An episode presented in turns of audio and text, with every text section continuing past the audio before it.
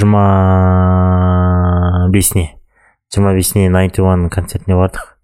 Е мен бұрын найнти уан концертінде болмағанмын бірақ мә жігіттер қазақ тілін керемет қолданады екен ше сөздерін ше неше түрлі андай ыыы андай сөздер болады ғой айтсам болады. Бір сөз бірақ екі түрлі мағына береді деген ше соларды қолданып тұр өлеңдерді күшті айтады екен да. Тағы да біз не қолданыстан шығып кеткен сөздерді қолданып ну мен барған кезде мен кішкене кезімде көп естіген сөздерді сондай сөздерді қайтадан естідім да солардан ше? Ал былай өмірде ондай сөздерді көп ести бермегенмін жалпы бірақ концерт ұнады концерті базар жоқ екен. Бірақ демалысқа шықтық дейді үш жылға үш жылға демалыс мне кажется олар уже болды уже кетіп жатыр походу. Демалысқа емес все уже группаны жауып жатқан сияқты. Обычно көп андайлар сондай ғой. One directionды білетін шығарсыздар барлықтарыңыз one direction сөйтіп еді біз белгілі бір уақытқа дейін группаны тоқтатып демалысқа шыға тұрамыз мынау мынау деді потом болды группа. Ассалаумағалейкум болып кетті бара примерно сондай болатын ну концертіне барып қалдық енді нормально жақсы екен. Бірақ ә, бір билет он жеті тұрады. Мен андай отыратын жер фан зона емес отыратын жерге алдым. Он жеті мыңға мне кажется ну маған лично өзіме не стоит ол концерт. Он мыңға он екі мыңға самое то самое то вот. А вот он жеті мыңға мен ондай он жетінде болатындай әсер алмадым. Мүмкін мен олардың андай емес шығармын фанаттар емес шығар менің кумирлерім емес шығар. Егер менің кумирім болса сондай болса мүмкін мен ондай ақшаны беруге дайын болатын шығармын. Мысалы пост малонның концертіне бара, баратын болсам алла қаласа құдай қаласа мен иә оның концертіне қанша берсе де беруге дайынмын ну қанша дейін там миллион доллар сұрап тұрса қуасың ба дейсің ғой? Но бірақ жаңағыдай нетін еді жүз доллар үш жүз доллар ондай болатын болса давай давай давай дейсің ғой бере бересің ғой. Вот сол концертіне барып қайттық. Концерттерге көп барыңыздар. Концерт концерт концерттерге сондай бір жиындарға бірдеңелерге көп барған дұрыс екен. Ыыы оған ақша құртамын андай ақша кетіп қалды андай мындай емес. Потому что ол эмоция ғой. И эмоция сенің есіңде сенің санаңда қалады сенің естелік болып қалады. Андайдан гөрі ақша жинағаннан гөрі ақша тапқаннан гөрі. Ақша табу керек енді бірақ ол ақшаны да сондай эмоцияларға жұмсай білу керек та. Өйткені анадан кейін мен өзіме керемет әсер алдым да. Енді күшті андай рахаттанып қайттым да ше. Сол сондай әсерлер болады. Сондай әсерлер сізге наоборот энергия береді да чтобы келесі андайға келесі раундқа шығуға келесі көп ақша табуға. Так умер пес чимс дейді чимс дейтін итті білесіздер ма? Породасы сиба ину ину дейтін. Мемдегі ит қой. Бүкіл мемде жүр ғой. Еще ол доккоин логотипінде бар ғой. Или доккоин логотипінде басқа ит па? Короче сол ит қайтыс болыпты. Японский пародия ғой нет или японский емес бірақ сиба ину дейтін японский шығар бірақ корейский де китайский де болуы мүмкін иә адоптың бір основателі қайтыс болыпты джон уорнок дейтін сексен екі жасында базар жоқ не әлемді өзгерткен адамдардың бірі ғой көп адамдардың өмірін өзгертті вообще бір әлемге бір сала алып келген адамдардың бірі ғой ше мә базар жоқ орнынан тұрып шапалақ ұратын адамдардың бірі ғой керемет керемет. Ойбай өлген керемет емес. Андай адопты құрған адопт жасаған керемет деп жатқанда абай не жаман жаман жаңалық екен. И google pixel сегізде сим карта болмайды только есим болады дейді. Ол жағын енді көреміз. есим қолданасыздар ма? Мен есим қолданбаймын бірақ менің телефонымда есим қолдануға болады. Мне кажется бәрі соған келе жатыр бәрі кейін бәрі есим болады. Ешкім сим карта ұстамайтын сияқты. Сим карта оны ұстап андай қылғаннан гөрі дұрыс қой. Артық артық андай артық зат артық расход зачем оның бәрін есим жақсы ғой.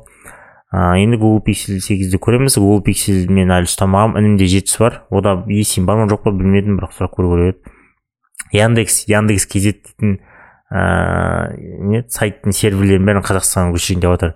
Өйткені өткен апталарда или арғы апталарда шықты ғой. Ыыы орыстар мынандай не біздің кмб сияқты орыстардың сондай органдарына яндекс или басқа айти компаниялар короче доступ беретін болған. И сондықтан қазақстандағы не официальный лицалар айтты да біз оларға ондай доступ бермейміз осындай осындай осындай деген сияқты. И потом өткен аптада бір яндекс кезетті белгілі бір уақытқа жауып тастады. Вот содан кейін яндекс походу қорқа бастады. Не қазақстанға көше керек деп өйткені ол қазақстанда яндекс андайлар көп қой қолданатын адамдар көп қой. Е анау актерлардың забастовкасы мынадай болды өзі мен күтіп жүрген киноны әңгімелеттер ендігі жылға көшіп жіберді дюнаның екінші частьсі ноябрьде шығатын еді енді мартта шығады әңгімеледі десе еще warner bros. Годзилла и конг новая империяны властелин колец война ро нет рохирдимов. Соның бәрін көшіп жіберді причина актерлардың забастовкасы тезірек бітсе аты әңгімеледі походу көретін кино қалмады уже қандай кино шығады өзі? Күзде қандай кино шығады? Қыстанда кино шығады? Походу кино жоқ. Е ең күшті не телепередача ең күшті телевидениедегі шоу рики морти 15 октябрь келеді. Май базар жоқ соңғы сезон нормальный маған ұнады мына сезонын көреміз. Бірақ бұл сезонда озвучкаға ә, рики мортидің создателінің біреуі қатыспайды деген оны вообще жұмыстан қуып деген. Бірақ ә, разработка сценарий жазу производство бәрі өз орнымен жүріп жатыр деді. Сталкерді 2024 жылға официально көшіріп жіберді екінші частін жиырма беске көшірмесін деп тілейік а то жиырма сегізінші жылға кетіп қалуы мүмкін. Қанша жыл болды бұл сталкердің істеп жатқанына қанша жыл болды? Всегда перенос перенос бір скриншоттармен ыыы нетін бір технический бірдеңелермен анонстармен тизерлермен адам ішті уже ше. Анау тағы бір екі рет көшірсе мен уже ойнамаймын мынаны алмаймын дейді ше. Потом зак снайдердің мятежные луны дейтін ә, киносының тизер трейлері шықты. Үш минут болады. Үш минут тизер трейлер болып саналамын өзі. Бірінші частьті хотя бірінші часть жиырма екінші декабрь шығады ал екінші часть он тоғызыншы апрель күні шығады вот осылай шығару керек қой. Екі частьте кинолар үш часть киноларды ше атаң келді десе бес алты жылға кетіп қалмай. Вот міне зак снайдерден үйреніңдер. Бірақ киносын білмеймін қандай қызық болатынын қызық болмайтынын. Трейлер маған ұнады бірақ че то непонятно. Звездный войны сияқты типа ше. Сонда әлемде деп өзім типа әлем болады. Өзі типа әлем ойлап тапқан солай солай дейді да енді білмеймін енді көреміз. Нетфликсте шығады ғой мне кажется звездный войнға так себе ешкім жете алмайтын сияқты. Ондай андайлардан ше войны уже эпопея сияқты болып кеткен ғой айфон он бес төрт расцветкада шығады дейді. Ақ серебристый черный серый темно синий а ақ жоқ екен өтірік айтамын ақ жоқ екен серебристый черный серый темно синий iPhone 15 и iPhone 15 пен Galaxy S24 ультраның короче андай не рамкаларын дисплей рамкаларын салыстырған иә iPhone 15 ультра ше мә вообще рамка көрінбейді ғой вообще рамка көрінбейді ғой үстіндегі дайнамик айленд тұр. Ыыы Galaxy S24-те де короче анағы кішкене бар Galaxy S24 ше кішкене дисплей рамкалар бар. А вот 15 ультрада почти рамка анаған қарағанда ұшқаны ода да көрініп тұр бірақ галаксиға қарағанда жұқалау өте күшті көрінеді екен. И жаңағы сталкердің екінші частін ыыы xboxтың xbox геймингтің басшысы бар. Сол басшы ойнапты сталкердің демо версиясын сразу өліп қалған ғой тезик геймер деп соны айтамын. И соны ойнаған не бетчаданың тодд говард дейтін продюсері қарап отырыпты. Дональд трамп официально социальный сеть иксқа қайтты твиттерге қайтты емай все болды. Цитаталардың әлемі қайтты. Ғой дональд трамп твиттерде не жазатындарын біле шығарсыз капец мықты нәрселер жазады. Ғой ақын ғой бұл кісі. Нетін стоик қой бұл кісі. Көреміз енді бірінші бірінші твиттер не болады екен? Бірінші твиттер жазып қойған шығар мен байқамаған шығармын іздеп көрмесем бірінші твиттер уже твиттерде хит болып жатқан шығар. Икс дей қойшы мен твиттер деймін иә және осы аптада евгений пригожин самолеті құлап қайтыс болыпты илон маск туралы твиттерге жазған дольше чем ожидал есть, небольш... есть небольшой шанс, что это психологическая операция дейді өлтіретін по любому күттік деп жатыр мен де күткен тұғым по идее мен де күткенмін оны походу не только илон маск бүкіл білген сияқты путин ондай емес қой тәңір жай қоя салатын походу атып жатқан самолетін Huawei открывает тайные предприятия по производству полупроводников по всему Китаю, чтобы обойти американские санкции дейді huawei америка санкция жасап тастаған ба не олар үйтіп қашатындай. Бірақ вообще полупроводниктер андай соғысы капец страшно жатыр негізі болашақ ыыы әлем біздің болашағымыз сол полупроводниктерге байланысты. Өйткені бүкіл нәрсе қолданады қазір полупроводниктер ше смартфоныңыз бар ма ноутбугыңыз бар ма техникаңыз бар ма машинаңыз бар ма ракетаңыз бар ма ракета точносын білмедім бірақ машиналарда қолданады ше полупроводниктер. И құдай біледі мұнай таусылған кезде электрокарлар болады. Электрокарлар қазір де мықты. Вот солардың бәріне полупроводниктер кіреді. Ал полупроводниктердің қазір атасы TSMC ғой тайваньская компания. Потом интл ау деймін интл емес па интл болу керек. Енді хуавей короче өзін андай аламын деп тұр. Китайда сол андайға пойызға мінбекші ғой енді. Хуавей бірақ жасайтын сияқты мне кажется. Олар более арзан қылып жасап сөйтіп рынокқа кіріп алса. Сияқты а еще самсунг бар айтпақшы. Полупроводник жасайтын. А походу полупроводниктің бизнес жасаймыз ау деймін ше. Соны бизнес жасап тастаймын ау деймін. Құдай қаласа жасап тастамасам. Қалайсыздар амансыздар ма? Қайырлы таң қайырлы күн қайырлы кеш қайырлы түн. Күннің қай уақытысында тыңдап отырсыздар? Сол күннің қайырлысы. Менің есімім асхат. Бұл бояусыз арнасы мен мұнда маған қызық болған статьялар маған қызық болған кітаптар жайлы оқимын. Солар туралы өз ойымды айтамын. Ал амансыздар ма? Кеттік бастайық. Қанша жылдар созбасын бәрібір керек асығыңа қорғасын. Неліктен жалғыз қаламын деп қорқасың. Бар ғой бар ғой сенің отбасың үйде. Жоғалтудан кейін қиындықтардан кейін әрекет етуді қимылдауды тоқтатпаңыз дейді. Мари адамның үлесіне түсуі мүмкін ең ауыр жағдайға ұшырады. Баланың өлімі бұл әрқашан қорқынышты оқиға. Бірақ оның жағдайында әсіресе жойқын өйткені маридің ересек қызын онымен жүруге бас тартқан ер адам аяусыз өлтірді және жақын арада өлтірушінің бостандыққа шығу мүмкіндігі болды дейді. Сонымен қатар мари жақында анасынан айырылды және оның өзінен қатерлі ісікке байланысты кеудесін алып тастады. Байғұс әйел өмір сүруге ешқандай себеп көрмеді дейді. Е міне өмірі страшно да мари дейтін апайдың.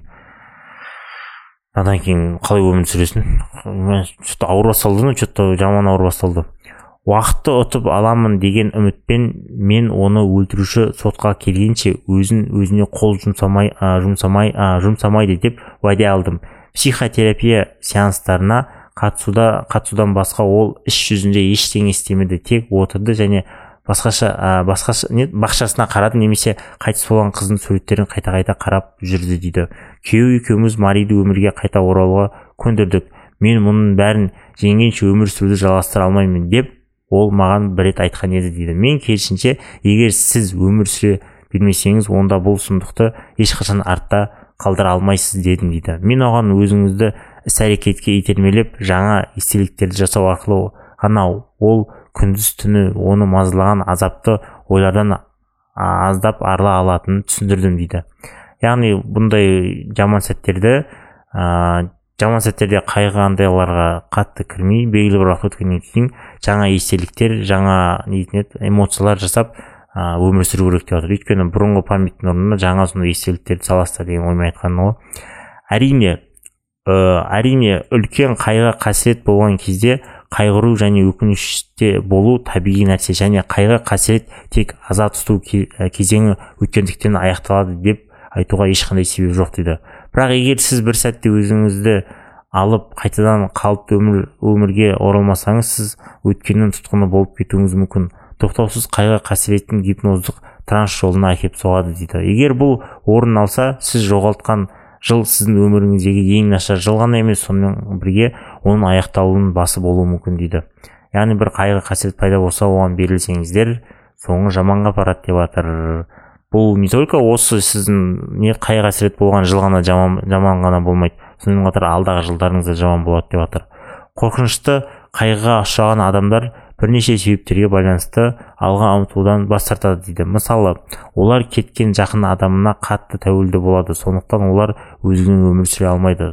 Сондай ақ олар басқалардың жанашырлығын арқасында сезінетін жайлылық пен тыныштықты ұнатуы мүмкін. Бірақ олар адамдар ақыр соңында оларға жанашырлықты тоқтатып олардан аулақ бола бастайтынын түсінбейді дейді.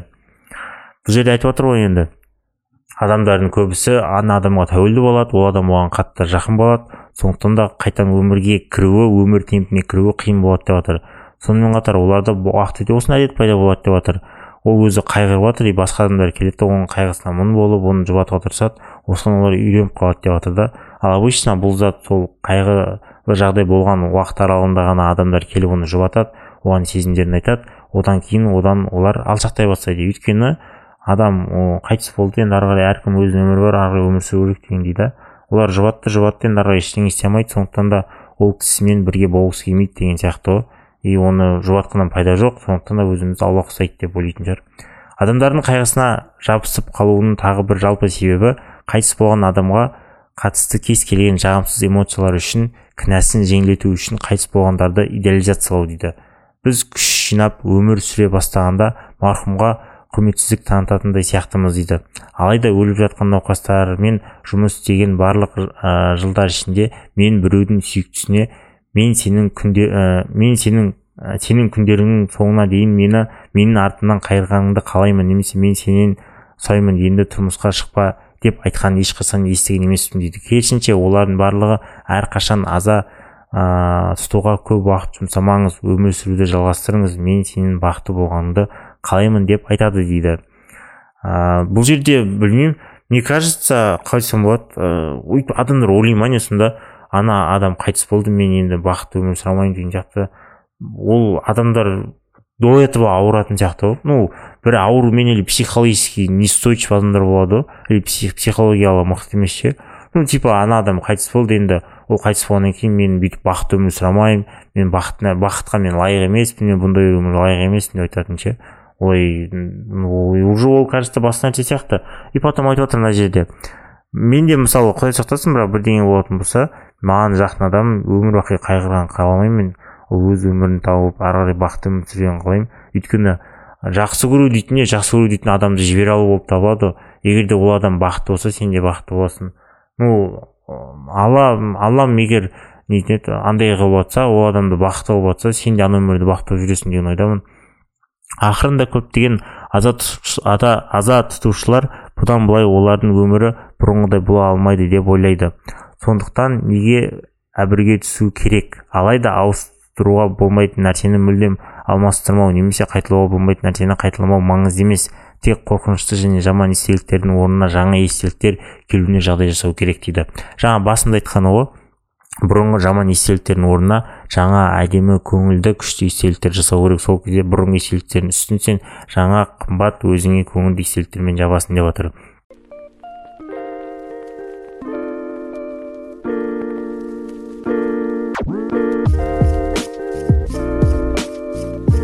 бұл жағдайда адамның алдында қиын және маңызды міндет тұр. Ол шынымен үлкен және та, таптырмас нәрсені жоғалт, жоғалтқан өмір саласында жаңа естеліктер жасау дейді. Мысалы жұбайынан айырылған адамдар көбінесе кәсіби қызметке кіріседі немесе достарымен және балаларымен көбірек уақыт өткізеді. Бұл әрине өзін өзін оқшаулаудан гөрі жақсы бірақ олармен жұп құра алатын адамдармен танысу сияқты сындырлы емес дейді. Егер аза тұтқанның аза тұтқаннан кейін адамдар ер адаммен немесе әйелмен тығыз қарым қатынасты орнатса оның емделуі айтарлықтай жеңілдейді. Өйткені жоғалту орнында жаңа естеліктер пайда болады дейді. Әрине нақты параллельдер қажет емес. Әсіресе кейбір жағдайларда бұл мүмкін емес дейді. Мысалы мари есімді әйел ә, қайтыс болған қызының орнына бала туа алмайды. Бірақ ол өз энергиясын былайша айтқанда көршілес аймаққа бағыттай алады. Оның қызы ересек болса да ол үшін кем дегенде ішінара қамқор болған адамдар яғни мұқтаж адамдар болды дейді. Енді мари ә, бір кездері басқа адамдарға қамқорлық жасау қажеттілігін өркендеген жерде үлкен бос орынды сезінеді. Менің өтінішім бойынша ол жергілікті ауруханаға өз еркімен барып балалары өлтірілген ата аналарға қолдау көрсету тобына қосылды. Уақыт өте келе мари жақында күйеуі күйеуі қайтыс болған жас әйелді қанатынан қанатын астына алды. Мұның бәрі менің пациентіме күш пен қуат берді. Ол ә, қызының өлтірушісіне өлтірушісіне айып тағып отырған судьялармен қарым қатынаста әлдеқайда сенімді және нық болды және құрбандардың ә, құқықтары үшін ә, күресетін топтарға белсенді қатысты дейді. Үш жылдан кейін ол трагедиядан кейінгі өмір туралы көптеген мағыналы және тіпті бақытты естеліктер жинады дейді. Қорқынышты жоғалтуды жоғалтуды бастан өткеннен кейін сіз өмір ешқашан бұрынғыдай болмайтынын қабылдауыңыз керек. Егер сіз қайғыңызды жібере алмасаңыз жаңа естеліктер жасай бастаңыз мүмкін уақыт өте келе жоғалту азабы басылады дейді. Яғни бұл жерде ыыы жаңағы сенде мысалы құдай сақтасын бір адам қайтыс болғаннан кейін сенде бір эмоциялар болады хоть негативный болсын хоть бірдеңе болсын. Может сол адамға байланысты сенде бір эмоциялар болған шығар. И сол эмоциялар арқылы сен сол адаммен байланысқансың. И ол адам қайтыс болғаннан кейін жаңағы эмоциялар ә, баратын жер эмоциялар нетін еді ә, көрсетілетін жер бос қалады да. Сондықтан да сол эмоцияларды көрсететін жердің сен жаңа орын табу керексің деп жатыр да. И сол жаңа орын табу арқылы сен өзіңдегі эмоцияларды күшті сол жерге бөлу арқылы өзіңнің ішіндегі жаңағы қалдық эмоцияларды шығарып и өзіңе екінші жағынан жақсы естеліктер жасайсың деп жатыр да. Пайдалы білім. Жаңа естеліктер жасау арқылы жоғалтуды қайғылы кезеңдерді артта қалдырыңыз дейді. Әрекеттер біртіндеп қайғыдан аулақтай бастаңыз. Егер сіз жақын адамыңыздан айырылып үйіңізді кесенеге айналдырсаңыз оған қарапайым өмірге жарамды бұрынғы келбетін қайтарыңыз дейді. Қажет болса бір бөлмені марқұмның суреттерімен безендіріңіз немесе фотосуреттер альбомын жасаңыз дейді. Мұны өз ішіңізде өмір сүріңіз дейді. Болған күнге аз уақыт бөліп нені қайтаруға болмайтын туралы естеліктер жасаңыз дейді. Алдыңғы қайғылы және ауыр оқиғалардың қарқындылығын азайту үшін жаңа естеліктер жасай бастаңыз жаңа жобалар мен іс шараларға қатысыңыз жаңа адамдармен танысыңыз дейді. Уақытты бір нәрсемен толтырудың орнына өзіңізді көбірек құрметтеуге және тіпті өзіңізді мақтан тұтуға мүмкіндік беретін мағыналы әрекеттерді таңдауға тырысыңыз. Мысалы сізге қарағанда өмірде жолы қатты болмаған адамдарға көмектесіңіз дейді. Қолдау тобына қосылыңыз. Осындай қайғыдан аман қалған адамдар ғана жақсы жұбата алады. Мен сенің не сезінетініңді білемін түсінемін. Және сіздің ә, жалғыздығыңызды жарқырата алады дейді. Яғни соңғысынау сондай қайғы қасіреттен өткен сондай азаптан өткен адамдар сізді жақсы түсінеді және сізді жақсы жұбата алады деп жатыр мынау өте ауыр тема негізі. Бірақ бұл жерде айтып отқаны егер де бір адамды жоғалтсаңыздар ыыы белгілі уақыт уақыт аралығында не оны қаласаңыз да қаламасаңыз да қайғы болады ә, мұң болады өкініш болады тамақ жемеуіңіз мүмкін кішкене не дейтін еді андай жаңағыдай настроениеңіз кетуі мүмкін өмірден түңілуіңіз мүмкін бірақ өйтіп дейтін еді көп уақыт жүрмеңіз деп жатыр белгілі бір уақыт жүргеннен кейін ә, бәрін өзіңіздің қолыңызға алып жаңа естеліктер жасауға тырысыңыз деп жатыр жаңа естеліктер жасау арқылы сіз бұрынғы қайғы қасіреттің естеліктерінің үстіне жаңа естеліктер қою арқылы соны ұмытасыз және өзіңізді жақсы сезіне бастайсыз деп жатыр ал жаңағы егер де сіздің жоғалтқан адамыңыздың бір белгілі бір эмоция байланыстыратын болса сол эмоцияларды сіз жібере алатын бағыттай алатын бір саланы жұмысты орынды или бір ә, не бағытты таңдаңыз және сол бағытқа қарай сол эмоцияларыңызды жіберіңіз деп жатыр бүгіндікке осы аман болыңыздар. Ешкім ешкімді жоғалтпасын. Ә, бұл әлемде не адамды бақытты қылатын материалды дүниелер заттар емес ол әрине біздің айналамызда жүрген осы мың мың бір жыл әлемде жүретін әшейін қарапайым заттар. Ол біздің ата аналарымыз бауырларымыз достарымыз осындай қымбат адамдар ғой ал біз оларды ұмытып кетеміз ақшаның соңына түсу арқылы. Негізі ақша адамды бақыттымайды дейді. Ақша адамды бақытты қылар бірақ проблема бәрі мынада ғой адам ақшаның артынан жүру арқылы оны бақытты қылатын адамдарды адамдарды отбасы ағайын туыс бауырларын достарын немқұрайлауға қарай бастайды. Ақшаның соңынан ақша табу ақшаны табу соңына түсіп ше? И ақшаны тапқан кезде ана кісілерге немқұрайлы қарағандықтан соңында өзі жалғыз алып құр ақшамен қасында нетін еді? өмірге мән берген адамдары қалмай қалады. Сондықтан да қасыңыздағы адамдарыңызды бағалай біліңіздер. Сол адамдармен бірге соларды бағалай біле отырып ақша табыңыздар. Аман болыңыздар бүгіндікке осы. Давайте. Қанша жылдар созбасын бәрібір керек асығыңа қорғасын. Неліктен жалғыз қаламын деп қорқасың бар ғой бар ғой сенің отбасың үйде.